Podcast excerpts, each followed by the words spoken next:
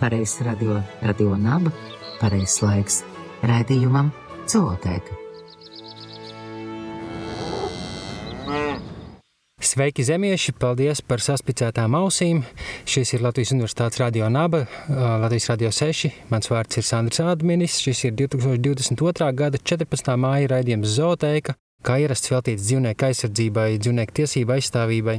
Par to, kā viņus labāk saprast un kā ar dzīvniekiem mēs varētu sadzīvot labāk, mazinot viņu ciešanas un nāvi, ko mēs varētu novērst, ja vien mēs rīkotos saprātīgāk. Pagājušajā zootēkā sarunājos ar zvērkopi un tā saucamo lāču māmu, Velgu Vītolu par lāčiem un citiem dzīvniekiem, un sarunas beigās viņi ierosināja nākamo tēmu par savvaļas dzīvnieku mazuļiem, kas nu, pavasarī, protams, kļūst atkal un atkal aktuāli. Manuprāt, tas arī ļoti labi sasaucās ar to, ka tikko bija mātes diena, Arī par šo tēmu iepriekš ir bijis zootēkā nu, stāstīts, bijis raidījums. To var atrast iegūlējot zootēka un mātes diena kopā. Un tajā dzirdēsiet piecus stāstus no cilvēku bērnu mamām, kas iestājas par citu sugu mamām. Bet šoreiz raidījumā par mazuļiem.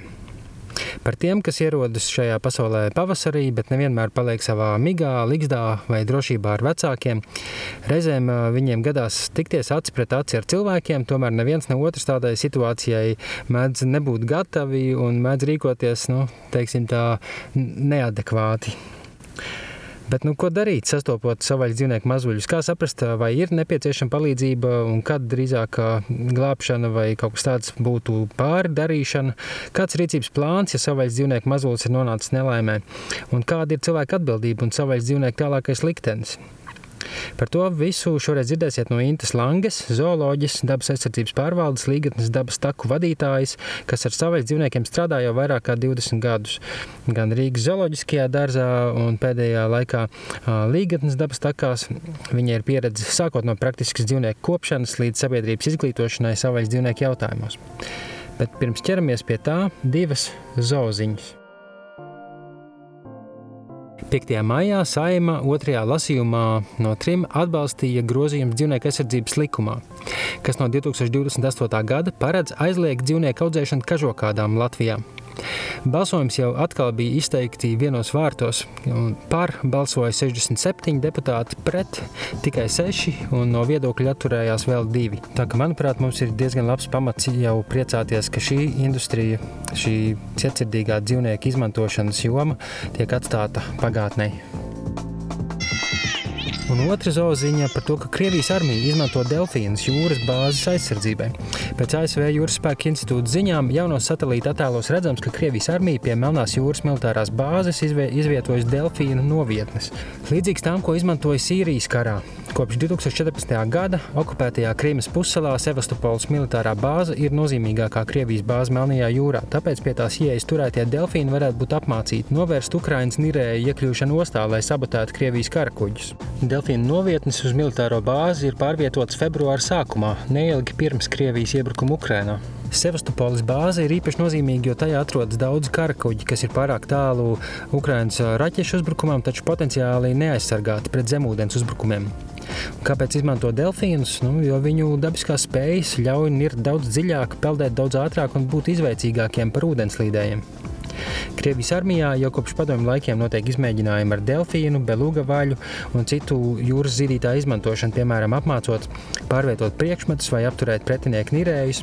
Arī Ukraiņas armija kādā delfinārijā pie Sevastopols kopš 2021. gada apmācīja delfīnus, turpinot padomju laikā sāktu, bet apturētu projektu. Taču šie delfīni nonāca Krievijas rokās līdz ar Krimas okupāciju, un iespējams tie ir tie paši, kas tagad novietoti pie bāzes. Arī ASV un iespējams citās valstīs notiek jūras zīdītāju vadītāju apmācības militāriem mērķiem. Par dzīvnieku izmantošanu karā un, un militāriem nolūkiem arī var dzirdēt vienā no iepriekšējiem šī gada zooteikas raidījumiem.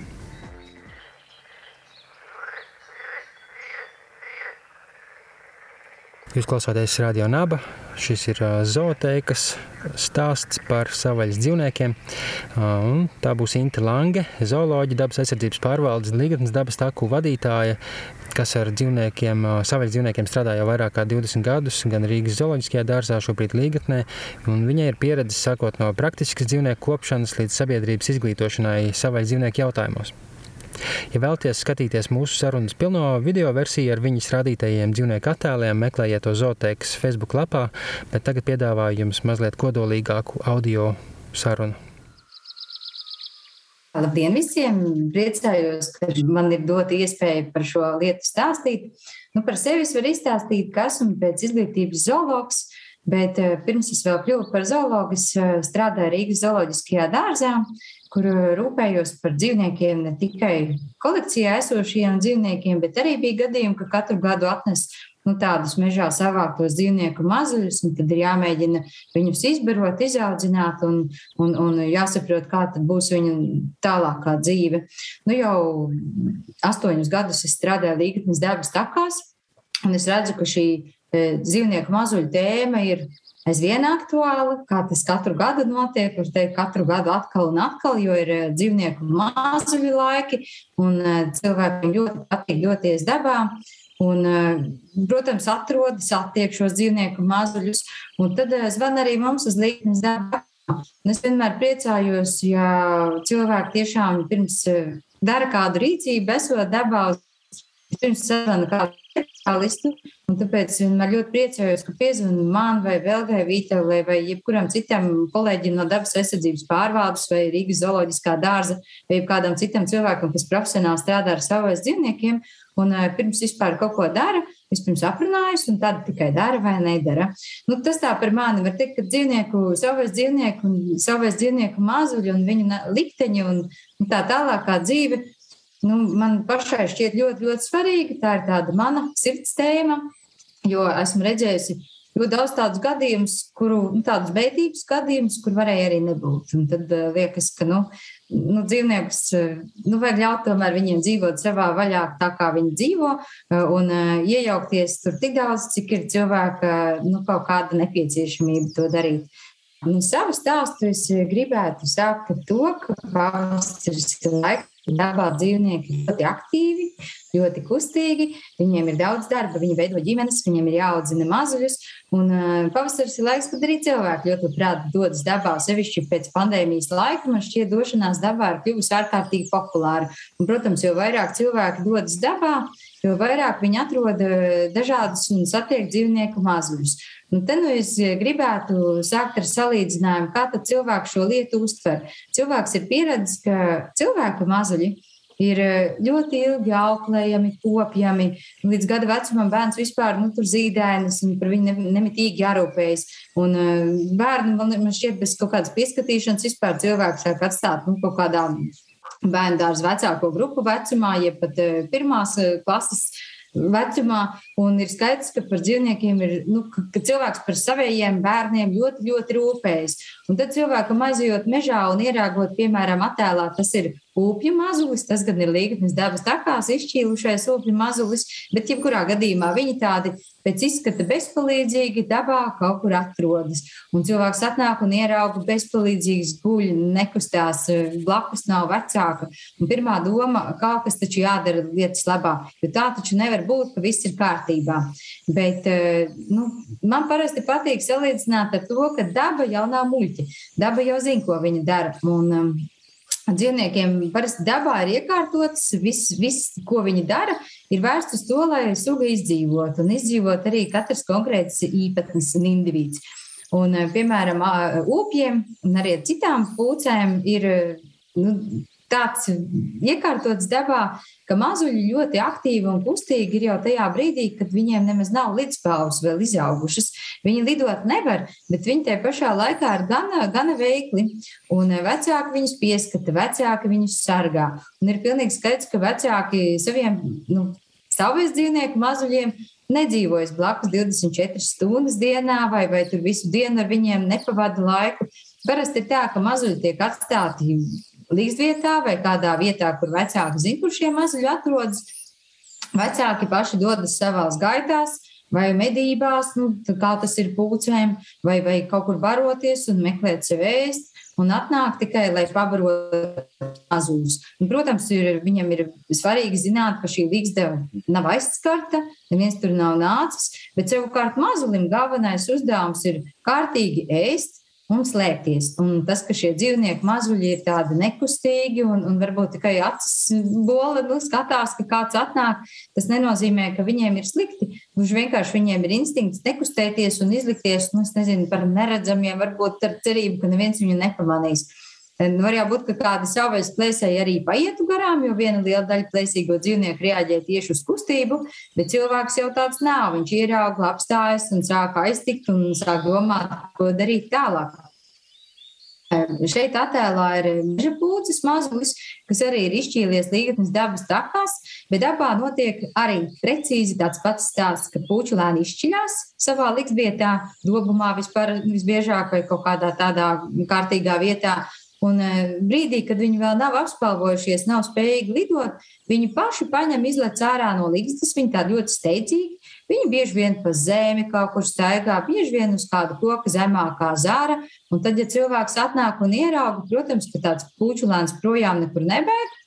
Un, e, bet cilvēkam pirmā doma, ko tagad darīt, kā tagad glābt, jo mātes nav, tēva nav, viens pats pa zemi. Bet eh, ornitologi, jebkurā gadījumā, mācētu izstāstīt, ka nu, tā jau nav, ka šie mazuļi ir ļoti bezpalīdzīgi. Eh, izrādās, ka šie mazuļi, nespējot lidot un pat bez līdzpāvu apspalvojuma tāda kārtīga, viņi ir ārkārtīgi kustīgi, ārkārtīgi veikli. Viņi ļoti skaļi māk sasaukties ar saviem vecākiem. Viņu vecāki ļoti labi zina, kur šie mazuļi ir, zina, cik katrs ir dabūjis ēst un kuram vēl piegādāt ēst. Un šie mazuļi ir tieši tik veikli, ka viņi paši spēja uzkāpt atpakaļ kokā. Viņiem ir ļoti spēcīgas kājas ar pamatīgiem nagiem, viņiem ir ļoti spēcīgs knābis, un šie putniņi kāpīja kokā ar savām kāju nadziņiem, kāju pirkstiņiem, ieķeroties koku mizā, pieturoties ar knābīti un vicinot spārniņus. Viņi lieliski tiek augšā. Bet, ja man vajadzētu, kā tad rīkoties cilvēkam, ja viņš atnāk un ierauga kaut kur puču bērnu, kas ir pa zemi, nu, protams, var viņu pacelt kaut kur mazliet augstāk uz zara, bet es domāju, ka nu, nevajag meklēt līgstu, jo šis mazulis jau ir no līgstas izlecis un viņam tur arī nav jāatrodas. Protams, ir ļoti svarīgi, ja mēs dodamies dabā, lai mēs e, nedotos ar vaļā palaistiem suņiem. Jo nav nekā ļaunāka par savu mājas mīlulu, kas ir izvests mežā palaists, un, un, un mēs pat nevaram nojaust, cik ļoti lielu ļaunumu spēj izdarīt mājas suņi. Jo ieraugot kādu dzīvnieku mazu, piemēram, šeit ir āļņu bērniņš, No aļņu bērni arī sākumā, kad piedzimst, mātes viņus ļoti sargā, bet kaut kādā brīdī, nedēļas, divu nedēļu vecumā, viņi sāk doties mātei līdzi. Bet, ja, piemēram, cilvēks atnācis uz mežu ar, ar suni un, un tā aļņu māte sabīstās, viņa, protams, mēģinās glābt vispirms sevi. Viņa neglābs mazuli, jo dabā arī, nu, lai cik tas nebūtu nežēlīgi, varbūt neizklausītos, tad eh, dabā ir iekārtots tā, ka dzīvnieku vecāki glābi vispirms sevi un nevis mazuli. Tāpēc, ka, ja viņš redz, ka viņam ir nevarēs izglābt abus divus, tad eh, glābjās vecāki, jo pat ja mazulis aiziet bojā, tad nākamajā gadā atkal piedzims kāds mazulis. Un eh, tā tas ir dabā iekārtots. Un nekad nebūs tā, ka šī dzīvnieka māte nu, tur sitīsīs līdz, līdz, līdz nāvei, lai aizsargātu mazuli. Jo dabā tas nozīmē to, ka aizies bojā abi divi. Un eh, te nu ir arī tāda reize, kad var salīdzināt nu, cilvēku un dzīvnieku vairošanās stratēģijas. Ja cilvēkam ir pietiekami neliela skaitā, nelielā skaitā bērni mūža laikā piedzimst, un katrs bērns ir ļoti aprūpējams ilgu laiku. Paši zinām, cik tas zīdaiņa vecums ir garš, un cik eh, šis bērns ir nu, tādā maza bērna vecumā, ilgi pieskatāms un aprūpējams, un eh, pieaudzis viņš ir tikai 18 gadu vecumā, tad dzīvniekiem šī dzīve notiek krietni ātrāk. Viņiem vienā metienā ir arī nu, viens, divi vai trīs mazuļi, mazuļi dzimst katru gadu, un jau pusgadu vecumā vismaz, ja kaut kā divi pus vai trīs vai pat četri mēneši vecumā ir pilnīgi patstāvīgi un var doties savā dzīvē. Un tā nu reize ir, kad arī cilvēkam ir jāatcerās, ka nu, var, varbūt šis dzīvnieks pat, ja viņš ir viens pats, nu, tas ir normāli un labāk atrodot šādu dzīvnieku, iet pēc iespējas ātrāk projām un tur tūmā arī nerādīties. Un tāpat arī lapsēdi mēdz ļoti agri sākt staigāt no alas ārā. Lapsēni vispār jau pusotra mēneša vecumā sāk doties izpētīt pasauli. Un tad arī būt nu, tā gadās, ka viņi iekuļās kaut kādās nepatikšanās, jo, protams, maziņi zinkārīgi, viņi dodas eh, pētīt apkārtni. Visbiežāk cilvēki, nu, var teikt, uzķerās stirnu bērniem. Stirnu bērni arī stirnām, nu, kā redzat, kažociņi ir raibi. Un šāds krāsojums kažociņam ir paredzēts, lai stirnu bērns apgūlies kaut kur mežā, starp saules raibumiem un, un ēnām, viņš būtu tikpat kā nepamanāms. Un stirnu bērnam ir arī raksturīgs tas, ka viņi smuki saritinājušies guļ un eh, vispār nebēg projām, kad cilvēks pienāk klāt. Bet, protams, viņš ļoti iekšēji man šķiet cer, ka tas cilvēks paies garām. Un tā nav, ka viņš būtu jānes mājās vai jāglāb vai kaut kas vēl jādara. Eh, protams, vairāk paveicās dzīvē tiem dzīvniekiem, E, kuriem ir jau ļoti, jau kopš dzimšanas kustīgi un aktīvi šie mazuļi. Piemēram, man nekad neviens nav zvanījis par to, ka liktos, ka ir palicis bez aprūpes e, kāds meža cūkas mazulis, jo meža cūkām mazuļi piedzimst gana daudz pēc skaita, varbūt pat septiņi un vairāk bērnu metienā, bet viņi jau otrajā, trešajā dienā ir ārkārtīgi prasmīgi rok zemi un eh, staigā mātei līdzi. Līdz ar to tur pat nav tā, ka viņš visu laiku gulētu tikai migā. Bet eh, mātes arī viņus ļoti pamatīgi sārgā. Līdz ar to cilvēkam arī aizejot mežā un satiekot kādu dzīvnieku mazuli, varbūt ir drusku jāuzmanās tādēļ, ka, piemēram, aņu un eh, meža cūku mātes, viņas ļoti sargā savus mazuļus. Un viņas, nu, man šķiet, cilvēkam būtu pat ļoti grūti pienākt klāt. Nu, katrā ziņā tas stāsts ir par to, ka tad, ja mēs satiekam dzīvnieku mazuļus, tad pirmām kārtām ir jādomā par to, e, kā viņus netraucēt. Jo skaidrs, ka dzīvnieki var dzīvot ļoti daudz kur, un e, nav tā, ka viņiem būtu jādzīvo tieši nu, nu, mežā vai, vai kādā lauku malā, bet e, reizēm dzīvnieki izvēlās dzīvot diezgan tuvu cilvēkiem. Nu, te vēl daži atsevišķi attēli par šiem dzīvnieku mazuļiem, kādi viņi ir jauki un, un, un patīkami. Protams, viņi staigā kopā ar savām mātēm, bet ļoti daudz tiek atstāti vieni paši. Un šeit arī bildes no Līgatnes dabas tāpaņu ģimenes. Nu, šobrīd arī ar lūšiem ir tā, ka reizēm zvana cilvēki, ka ir kāds lūsēns kaut kur aizmaldījies un ierauga viņus. Bet visbiežāk ir tā, ka arī lūsēns mātes pieskata. Un, ja mēs ejot mežā, ieraugam kaut kur kādu mazu lūsēnu, tad nu, nav pamata domāt, ka viņš ir palicis bez aprūpes. Jo, nu, ja nu cilvēkam jautājums, ko tad galu galā darīt, tad pirmām kārtām ir jāpaskatās, kā šis dzīvnieks izskatās. Vai viņš ir novārdis, vai viņš ir noplucis, vai viņš ir eh, varbūt ievainots, eh, varbūt viņš kādā nu, ļoti īpatnējā vietā atrodas, nu, ka izskatās, ka viņš ir iekūlies nelaimē. Aņu laiks šobrīd ir pats eh, tāds kārtīgākais. Aņiem dzimst mazuļi, arī nu, mežos šobrīd viņus diezgan daudz var sastapt. Te ir arī lācinīti ilzīti no līgatnes dabas takām, bet arī lāčiem ap šo laiku tie mazuļi ir tik lieli, ka lāču mātēm staigā līdzi. Pārsvarā gadījumā mātes vienalga viņas pieskata. Nākamais stāsts ir par to, kā cilvēkam saprast, glābt vai neglābt. Jo bieži vien es saņemu arī zvans par to, e, ka savais dzīvnieki ir sastapti pilsētā. Un um, bieži vien cilvēkam šķiet dīvaini, ka savais dzīvnieku lapsas, vai varbūt uh, eži, vai varbūt vāveris, vai reizēm pat ir kāds uh, stirnu buks, vai tas ir kāds alnis iemādās pilsētā. Bet ir pilnīgi skaidrs, ka nevienmēr tas, ka dzīvnieks ir pilsētā, nozīmē to, ka viņš ir apmaldījies un ka viņam ir nepieciešama palīdzība. Jo tādus savus dzīvniekus tautas valodā sauc par meža dzīvniekiem, kas varbūt īsti arī neatbilst patiesībai, tādēļ, ka viena daļa savus dzīvnieku nemaz nedzīvo mežā. Viņi ļoti labprāt dzīvo nu, dažādās citās vietās, pļavās vai krūmājos vai tuvāk cilvēku mājām vai varbūt lauku viensētās, reizēm vispār cilvēka pagalmā ienāk un dzīvo vai kādos bēniņos. Un dzīvnieki ļoti labprāt izvēlās dzīvot arī pilsētā, jo viena daļa dzīvnieku sugas Viņas ir ļoti izmanīgas, ļoti tādas eh, plastiskas, viņas eh, ļoti labprāt iedzīvojas pilsētās, jo dzīve tur ir ar saviem plusiem. Medības nenotiek, barības ir ārkārtīgi daudz, jo, nu, piemēram, mežiem ļoti patīk doties tur, kur kaķis baro ārā pie mājām, jo kaķu barība ir ļoti karšīga zim. Lapsas dara tieši tāpat. Tāpat ir pieejama dažādi atkritumu tvertnes, no kurām var kaut ko atrast labu vai kādam cilvēkam kādu cepuma izbirst pa ceļu. Vienmēr var kaut ko labu atrast.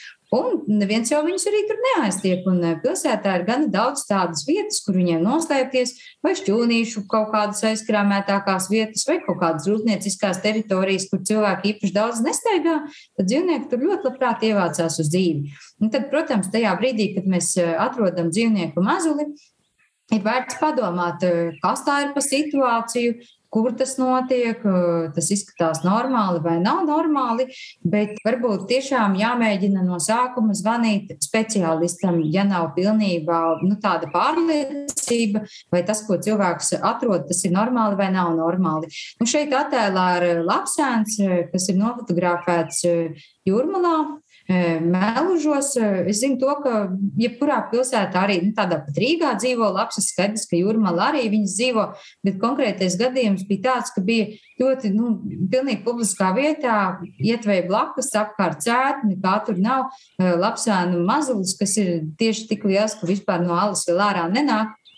Un tad tas ir viens no tiem gadījumiem, kad jāsāk domāt, kā tad, nu, ka šis e, dzīvnieka mazulis nav normālā situācijā un ka viņam, principā, viņam nepalīdzot, viņam izdzīvot būtu ļoti grūti. Jo iedomājieties, pilsēta, publiska vieta, apkārt suņi, kājas, vārnas, cilvēki. Nu, viņam jau nav kur sprukt, viņš ir tik maziņš, ka viņš arī pats nekur tālu nedodas. Uh, Nu, mans ieteikums tad ir tāds, ka pirmām kārtām pašam ir jāmēģina saprast, kas tad ar šo dzīvnieku notiek un kas tas vispār ir par dzīvnieku. Un tad eh, ļoti noder kaut kādas nu, tādas puslīdz pamatzināšanas par dzīvnieku bioloģiju, viņu sugu, uzvedību. Bet, eh, ja nav īsta pārliecība, ir tā vai savādāk, tad eh, labāk zvanīt kādam speciālistam. Nu, mūsu valstī, diemžēl, nav kaut kāds centralizēts telefona numurs vai kāds noteikts speciālists, kam zvanīt. Bet, nu, ja šāda situācija atgadās, tad droši var zvanīt gan uz Līgatnes dabas takām, gan Rīgas eh, zooloģisko dārzu, gan arī ir dažādi zoologi dabas aizsardzības pārvaldē, kuriem noteikti var zvanīt un konsultēties. Un eh, parasti, kad mums cilvēki zvana, par dzīvnieku mazuļiem, tad mēs mēģinām no sākuma uzdot dažādus papildus jautājumus, lai saprastu situāciju. Kas tas ir par dzīvnieku, kur viņš atrodas, kādā situācijā nonācis, vai viņam būtu jāatstāj un ātri jādodas projām, ja varbūt tomēr ir nepieciešama kāda iejaukšanās no cilvēka puses. Nu, mūsdienās ir ļoti labi, ka ir gan eh, telefoni, gan datori, gan nu, dažādi WhatsApp un iespēja apmainīties ar informāciju. Un eh, ir ļoti labi, ja puslīdz cilvēks arī vēl nofotografē vai iefilmē un atsūta mums šo te kā, nu, tos apstākļus, kā tas dzīvnieks atrodas. Jo bieži vien, nu, man, vismaz manā praksē ir tā, ka eh, nu, es, statistika oficiāli man gluži nav, bet man pēc izjūtām es teiktu, ka 90% gadījumu, kad cilvēki zvana, jo ir sastapuši savas dzīvnieku mazuli, nu, dzīvnieks ir jāatstāj turpat, kur viņš atrodas, un ir ātri jādodas projām, lai netraucētu šiem dzīvnieku vecākiem piekļūt. Jo paši saprotam, dzīvnieku vecāki nekad nenāks klāt pie mazuļa, ja tur blakus stāv cilvēks. Jo dzīvnieks, protams, slēpsies un nerādīsies. Nu, reizēm man ir bijuši gadījumi arī, kad cilvēks ir paņēmis šo dzīvnieku mazuli un, tad iedomājies piezvanīt, bet, eh, ja tas ir noticis kaut kādā, teiksim, dažu stundu laikā, tad eh, vienmēr šo dzīvnieku mazuli var aiziet un nogādāt atpakaļ. Tāpat ir gadījums bijis arī, ka ir, eh, nu, teiksim, kaut kāda darbība vai, vai rūpnieciskajā zonā vai kaut kur, ka ir atrod kādu zaķēnu vai stirnēnu, un tieši šajā vietā gluži nu, baidās eh, satraumēt šo dzīvnieku mazuli, tad es parasti iesaku arī varbūt palikt nedaudz kaut kur tālāk blakus, eh, jo skaidrs, ka tie dzīvnieku vecāki atnāks. Un te es varu piebilst arī, ka ir absolūts mīts, nu, nepatiesība par to, ka ja cilvēks pieskarās dzīvnieku mazulim vai uzelpo, vai arī nu, tas pats tieši arī par putniem, ka tad eh, šie dzīvnieku vecāki novēršās no mazuļa un viņus vairs neaprūpē. Nu, tās ir nu, tādas mīti, pasakas tādas, jo dzīvē ir tā, ka cilvēks pilnīgi droši var arī nu, teiksim, pārvietot eh, no zara nokritušu putnu līgzdoru visiem putnēniem, uzlikt blakus zarā atpakaļ vai šo dzīvnieku mazuli pārvietot uz vienu vai uz otru pusi, bet eh, šie vecāki viņus atrod un turpina par viņiem rūpēties. Tā kā dabā viss ir kārtībā.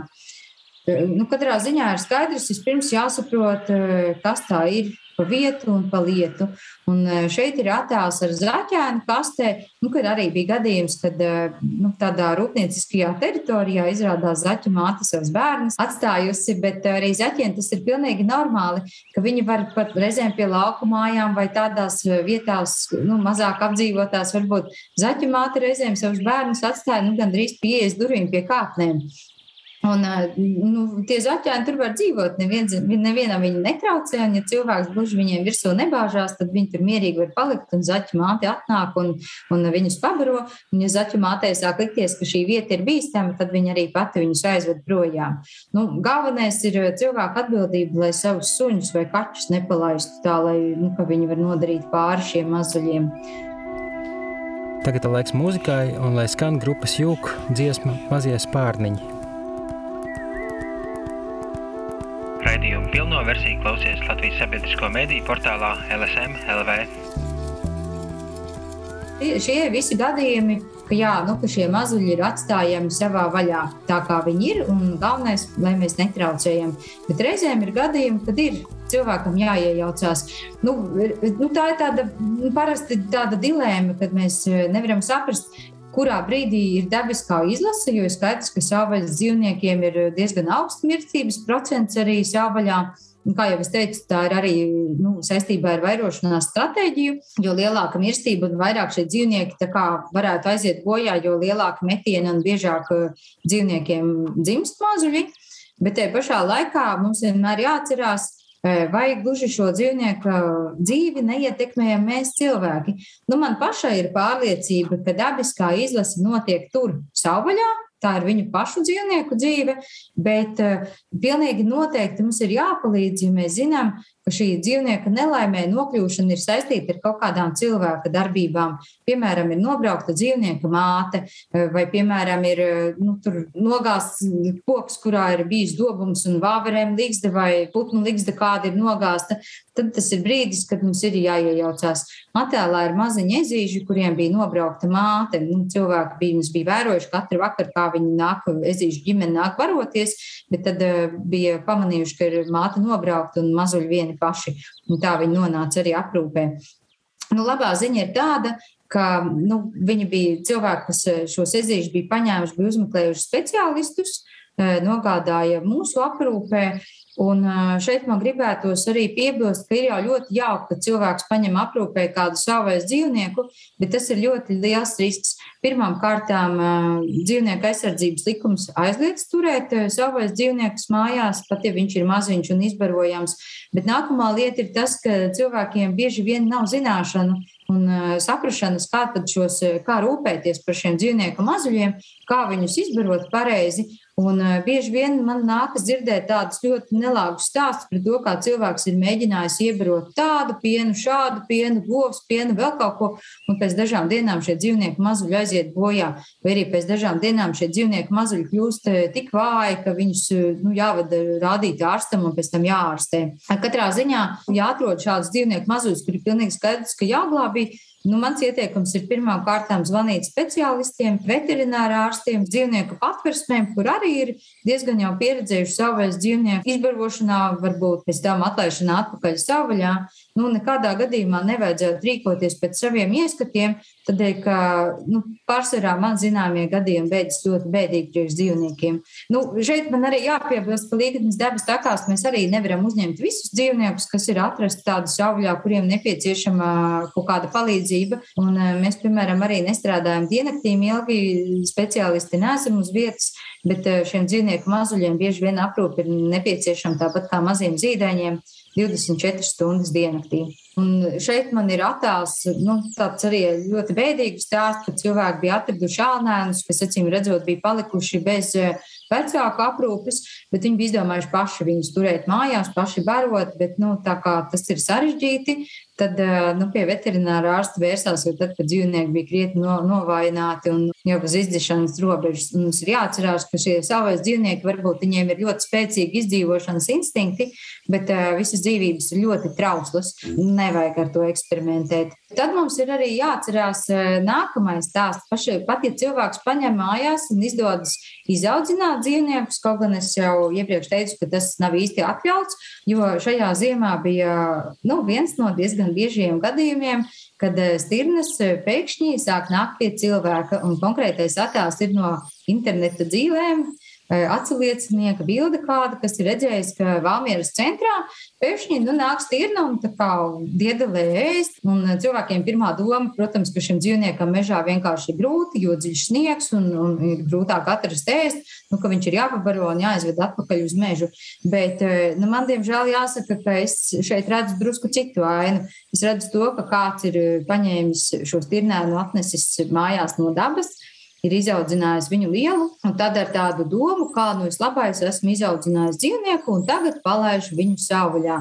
Nu, te nu man ļoti gribētos, eh, kā mazajā princī bija teikts, ka mēs esam nu, atbildīgi par tiem, ko esam pieredzinājuši, un ir pilnīgi skaidrs, ka mājās izaudzināt savvaļas dzīvniekus nav pat aizno atlaižams mežā vai, vai citur sāvaļā, jo šie dzīvnieki viņi neprot izdzīvot, viņi neprot baidīties no cilvēka, viņi neprot baidīties no citiem dabiskajiem ienaidniekiem, viņi neprot arī baroties, un cilvēks viņiem saistās ar iespēju labi paēst bez īpašām grūtībām. Bet dabā, protams, savas dzīvniekiem ir grūtāk, viņiem ir pašiem jāmeklē, ko ēst. Un, Nu, vēl viena lieta, ko es pilnīgi noteikti gribētu likt pie sirds, ka savvaļas dzīvnieks viņš nekad nebūs mājdzīvnieks. Viņš nekad nebūs kā mājdzīvnieks. Pat ja mēs viņu paņemam no ļoti maza vecuma, lai kā mēs viņu audzinātu, lai kā viņš varbūt augšanas procesā ļoti mīlīgs, nāk daudzīties un labprāt ēd no rokas un, un čubinās un guļ dīvānā un staigā pa dzīvokli vai vienalga kur, tad uh, izaugot lieli, viņiem parādās savas dzīvnieku instinkti. Viņi sāk no cilvēka baidīties, vai tieši otrādi viņi kļūst agresīvi pret cilvēku, jo cilvēkā nu, varbūt ne gluži savā tajā nosacīti mamā, jā, nu, bet eh, apkārtējie cilvēki jau viņš uzskata par konkurentiem, ar kuriem tad ir jāiet cīnīties jo viņiem ir nepieciešami nu, īpaši apstākļi, tā labturība saucamā, viņiem ir nepieciešami voljēri, kur viņiem dzīvot, eh, noteikta veida barība, kura nu, nemaz nav tā pieejama, vai veikalā nevar aiziet un nopirkt, piemēram, stirnu barību. Nu, tā tas nenotiek. Un līdz ar to mums ir nu, tie cilvēki, kas vispār izlēma audzināt šādus dzīvniekus. Nu, man vairāk gribētos teikt to, ka nu, domājam līdzi, ko mēs darām, jo ko mēs esam pieredzinājuši, par tiem mēs esam atbildīgi. Bet man te ir vēl viens piemērs no, no interneta dzīvēm par rāli, kas vēlas iekāpt autobusā. Nu, šeit arī skaidri redzams, ka tas nav savvaļas ālnis. Un tajā ziņā man vienmēr sāp sirds, jo mēs regulāri saņemam zvanus par to, ka kaut kur Latvijā kādā lauku saimniecībā ir ieklīdusi stirna un no suņa nebaidās un ievākusies uz dzīvi klētī vai kaut kā savādāk. Un cilvēki ir nesaprašanā, nu, kāpēc tas dzīvnieks tā dara un, un ko tur var palīdzēt viņam. Bet, uh, diemžēl, stāsts ir par to, ka palīdzēt tad jau vairs nevar, kad viņš ir izaudzis. Jo šim dzīvniekam ir iespēja dzīvot vai nu nebrīvē, kādā iešokojumā, kur cilvēks par viņu rūpējas, vai arī dabā viņš vairs nav palaidams. Nu, viņš ir eh, tāds situācijas ķīlnieks. Un, eh, tas eh, mums visiem labi zināmais piemērs ir ar lācēniem, viciem atrastajiem mazajiem lācēniem, kas arī gāja dažādus nerātnības strādāt pie cilvēku mājām, un kuri gal galā tur diedelēja gulbenu šoseis malā. Nu, tas ir skaidrs piemērs par to, ka kāds cilvēks viņus bija izaudzinājis mājās, Protams, cilvēks mājās audzinot meža dzīvnieku, nav nekāds pats. Viņš nekļūst par meža dzīvnieku, viņš, ne, viņš nav lācis, viņš nevar lācim vai kādam citam dzīvniekam iemācīt baroties kā lācim, dzīvot kā lācim un visu darīt kā lācim. Un skaidrs, ka viņš var iemācīt to darīt kā cilvēkam, un pēc tam palaižot šo dzīvnieku dabā. Nu, dzīvnieks īstenībā tur nu, mokās, viņš nemāķi atrast ēst, viņam nav ko ēst, viņš ēd to, kas pagadās, viņam pēc tam ir slikti. Un, uh, tur jau vairs nav īsti arī varianti, ko ar viņu darīt. Jo tā, tā informācija, kas izskan, kā viņu tagad varētu likt kaut kur zooloģiskajā dārzā, nu, nevar. Viņš ir no dabas, viņš nekad negribētu dzīvot nu, kaut kādā iežogojumā, bet tur labprāt dzīvo tie dzīvnieki, kas šādos apstākļos ir izauguši. Un man pašai nu, visvairāk sāp sirds par šādiem dzīvniekiem, jo kamēr, ja viņš, teiksim, dabā aizieta bojā, vēl nepieaudzis, tas ir viens tā, protams, kaut kādā mērā dabiskā izlase, bet nu, mēs nedrīkstam izmest mežā šādus dzīvniekus, kas paši neprot dzīvot. Nu, tas, tas man liekas pats tāds arī. Un, uh, man pašai ir pilnīga pārliecība arī par to, gan šādi gadījumi dabā, kas ir redzami, ka dzīvnieks neprot izdzīvot savvaļā. Mums pašiem arī līgatnes dabas takās bija gadījums, ka kāds, nu, nezinu, ar kādu nolūku cilvēks bija nu, sabojājis lapsu voljeram nožogojumu, lapsa bija izgājusi kā, nosacīti brīvībā ārpus šī voljera. Bet uh, līgas dabas taku dzīvnieki viņi parasti atgriežas. Jo šie iežogojumi, tās ir viņu mājas, viņi tur dzīvo, viņi tur ēd, viņi nemaz īstenībā negribētu dzīvot kaut kur citur. Un uh, pēc kāda laika šīs mūsu lapsas atgriezās, bet uh, jau tik slimas, jo pavadot laiku, staigājot pa mežu, viņas vēl nebija pratušas ne īsti ēst, ne īsti sevi aprūpēt. Mums, diemžēl, neizdevās glābt. Bet tas ir piemērs par to, ka šie dzīvnieki neizdzīvo. Un pat ja cilvēks izaudzina mājās dzīvnieku mazuli un pēc tam izlaiž dabā, un par viņu pēc tam nedzird, neredz viņu vairāk, tas nenozīmē, ka viņš tur laimīgi dzīvo. Vis, visticamāk, ka viņš vienkārši aiziet bojā, mokošā nāvē, vai nu no bada, vai nu no nespējas sevi aprūpēt, vai nu trāpās kādām plēsējām pa, ķetnē, tāpēc, ka viņš jau pats pat neprot slēpties un glābties. Un tajā brīdī man liekas, ka, nu jā, ka tā ir tā cilvēka atbildība, nu, kur tad ir šī glābšana un kur tad ir atkal tālāk darīšana pāri. Nu, jā, bet nu, tas ir apmēram mans stāsts par šiem dzīvniekiem. Ko darīt un ko nedarīt, un kādas ir sekas. Jo sekas ir nu, briesmīgas pat ja ne cilvēkam pašam, tad, tad dzīvniekam, protams, tās ir tādas nelāgas sekas. Bet, eh, ja rodas jautājums par to, kāda tad būtu rīcība un tieši kur zvanīt, tad eh, Latvijā, diemžēl, pagaidām nav tāda stingra kārtība eh, vai kāds viens telefona numurs, uz kurieni zvanīt, atrodot šādus dzīvnieku mazuļus. Šobrīd nu, cilvēkam jāprot uzmeklēt speciālistus un jākonsultējas, un mēs arī ļoti labprāt to darām, jebkurā dienas laikā atbildam uz šādiem zvaniem. Jo nu, kaut kāda rīcība ir nepieciešama, bet labā ziņa ir tāda, ka Latvijā nu pat eh, visas eh, institūcijas, kas darbojas ar dzīvniekiem, kad sākot ar eh, likumdošanas aktiem, normatīviem aktiem, kas regulē dzīvnieku turēšanu, dzīvnieku glābšanu, dzīvnieku medicīniskās lietas, dzīvnieku labturību, un tie praktiķi, kas reāli uzņem savus dzīvniekus un mēģina viņiem palīdzēt dažādas dzīvnieku patversmes citas organizācijas, esam apsēdušies pie viena galda un šobrīd mēģinām nu, strādāt pie tā, lai izveidotu mūsu valstī vienotu algoritmu, vienotas vadlīnijas, rīcību plānu, jebkuram cilvēkam saprotamu, Ko tad darīt, ja atrod dzīvnieku mazumu? Un šobrīd doma ir tāda, ka tas varētu būt kaut kāds eh, viens telefona numurs, uz kuru zvanīt, un tālāk, tad, nu, pēc, pēc eh, atkarībā no gadījuma un, un situācijas, tad tiek pārdresēti speciālistiem, kas nu prasīs palīdzēt tīri praktiskā veidā. Nu, jā, jo citās valstīs šāda kārtība darbojas diezgan labi, e, bet nu, man arī jāsaka par to, ka e, mums e, nevajadzētu domāt, kā tagad Latvijā būs fantastiskākie savās dzīvnieku rehabilitācijas centri, kur visi dzīvnieki tiks uzņemti, visi tiks izārstēti un visi tiks palaisti savvaļā.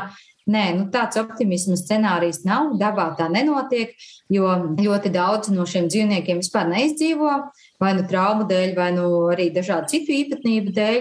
Un ne visi pēc tam ir spējīgi dzīvot cauvaļā. Un skaidrs, ka mēs nevaram, nevaram laist cauvaļā tos, ko mēs jau laicīgi zinām, ka nebūs. Un arī citās valstīs, teiksim, dzīvnieku rehabilitācija ir stingri nu, tāda nu, nu, skatās, kuri dzīvnieki tad būs spējīgi dzīvot savvaļā un kuri nebūs. Un, ja ir skaidrs zināms, ka šis dzīvnieks eh, nevarēs eh, sevi nodrošināt ar pārtiku, sevi drošību kaut kādu, vai, vai nevarēs pārvietoties īsti kā vajag, nu, skaidrs, ka šim dzīvniekam nākotnē nu, savvaļā viņš nekad vairs nevarēs atgriezties. Bet nu, labā ziņa ir tāda, ka cilvēkam vienalga vajadzētu palīdzēt tur, kur ir jāpalīdz, un labāk neiejaukties tur, kur nevajag iejaukties. Jo, nu, kā, kā mēs esam arī uzsākuši kampaņu katru gadu par šiem savas dzīvnieku mazuļiem, esmu no savvaļas un gribu dzīvot savā vaļā. Un man šķiet, ja cilvēkam ir iespēja dzīvnieku neizņemt no dabas, tad arī to nevajadzētu darīt, jo lai viņi paliek dabai un viņus nevajadzētu veidot par zoodārs dzīvniekiem vai iežogojumu dzīvniekiem, ja vien tā nav galēja nepieciešamība. Tikko dzirdējāt Līgatnes dabas taku vadītājas zooloģijas Intes Langes stāstījumu par to, kā rīkoties sastopoties ar savvaļas dzīvnieku mazuļiem, ko darīt, ko nedarīt. Ja gribat noskatīties video versiju vai padot tālāk, atradīsiet šos sarunas video Zooteikas Facebook lapā. Tagad piedāvāju jums dzīvniekus valodas pinekļos, tādu rubriku, kur pievērš uzmanību ar dzīvniekiem saistītiem vārdiem, izteikumiem un pat strīdiem šajā sakarā. Inta Lange savā stāstā bieži un daudz bez problēmām runāja par to, ka dzīvniekiem ir mazuļi, jeb bērni, viņiem ir mātes, jeb mammas, vecāki, Tāpat kā mums, cilvēkiem. Tomēr ne visiem patīk, ka šos vārdus izmanto runājot par dzīvniekiem, kas nepieder homo sapiens sugai. Spilgts piemērs, kas man palicis atmiņā, ir no Latvijas Rādio 1 raidījuma krustpunktā, kur pirms pāris gadiem tā sauktajā nošautās lūšu mātes skandālā sakarā mani uzaicināja diskutēt par tēmu medības, vaļasprieks vai nepieciešamība. Piedāvāju noklausīties pāris fragmentus no tā, ko tur teica raidījuma vadītājs un mans oponents diskusijā. Raidījums Krustpunktā. Diskusijas gada nogalē raisījās pēc tam, kad alūksnes pusē viena mežniece bija pozējusi ar nošautu lūšu māti, kuras mazuļi līdz ar to bija nolemta badu nāvei. Un uh, medību saimniecība ir viņa apsaimnieko uh, bezsaimnieku mantu, šos medību resursus. Visvairāk nomedīja tieši uh, tekošā gada dzīvnieks. Jūs runājat par, jā, par dzīvnieku daļu, kā nu, skaitļu statistika, tur tā, nu, līdzīgi kā mēs kādreiz rēķinām. Tie dabas resursi. resursi. Jo tas stāsts par tām lūšmātēm bija stāsts par emocijām, protams. Sakot, tie ir bērni, kuriem tad palikuši bez māmas. Nē, nē, stop, ir emocijas vai nav emocijas? Novelkam, no, novelkam, novelkam, nu, jā. jā nav viņi ne bērni, viņi ir tekošā gada dzīvnieki, un, un tas arī viss. Nevis mazulis vai bērns, bet tekošā gada dzīvnieks.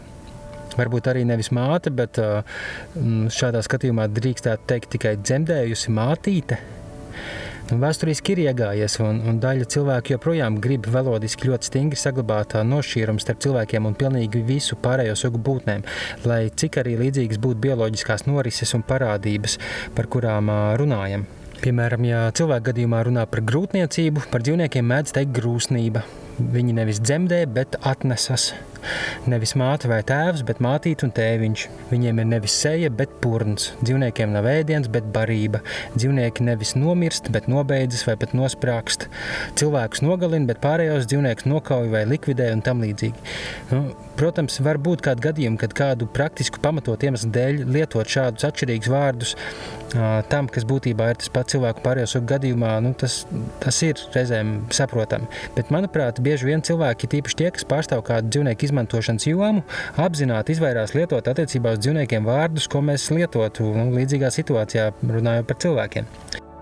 Reizēm tas ir vienkārši nozares žargons, bet reizēm, manuprāt, tā ir pavisam apzināta izvēle, lai nedotu iemeslu mums domāt par dzīvniekiem kā tādiem, kas ir mums ļoti līdzīgi savā uzvedībā, nu, dzīves norisēs, vajadzībās, jo tad mēs varētu vairs nebūt tik pieņemoši pret to, ko ar viņiem dara kad viņi ir daļa no kādiem ražošanas un resursu iegūšanas procesiem. Kā audio fragmentā teica mednieks, dzīvnieki ir bezsaimnieka manta, ko vajag apsaimniekot. Kāda ir rēķinām? Tie dabas resursi. Tāds šoreiz bija ieskats tēmā dzīvnieki valodas pinekļos. Ja jūs interesē valodas veidošanās un lietojums saistībā ar dzīvniekiem, par šo tēmu manā YouTube kanālā varat atrast lekcijas video ar tādu pašu nosaukumu - Dzīvnieki valodas pinekļos. Ja jums nāk prātā vēl kādi interesanti valodas piemēri vai tēmas un viesi nākamajām zooteikas sarunām, atsūtiet man ziņu sociālajos tīklos. Zooteka ir manis brīvprātīgi veidots projekts bez atalgojuma, bez tēmu ierobežojumu un cenzūras par to, kas, manuprāt, ir svarīgi un vērtīgi, lai mēs saprastos labāk un sadzīvot labāk ar citiem kustoņiem uz šīs planētas, kas pieder to, tomēr mums visiem, nevis tikai cilvēkiem. Ja tu vēlēsies un vari atbalstīt manu darbu, vari to darīt ar nelielu ikmēneša ziedojumu patreon.com, crowdfunding jeb pūļu finansēšanas lapā.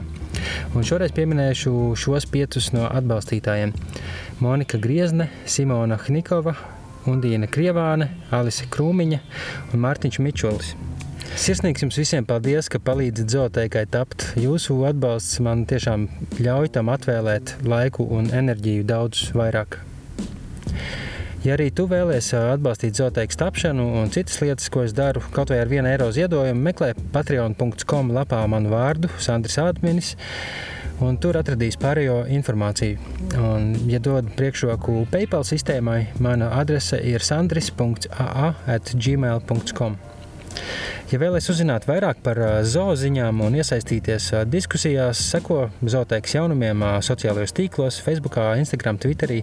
Tur regulāri publicēju uzmanības vērtus foto un video, pozitīvas, smieklīgas lietas, reizēm arī kaut ko pavisam nopietnu. Dažādas tās augtās animālijas, jeb dīvainus faktus par dzīvniekiem, interesantus stāstus, kas īsti neiederētos audio formātā, bet jums varētu tomēr patikt jūsu acīm.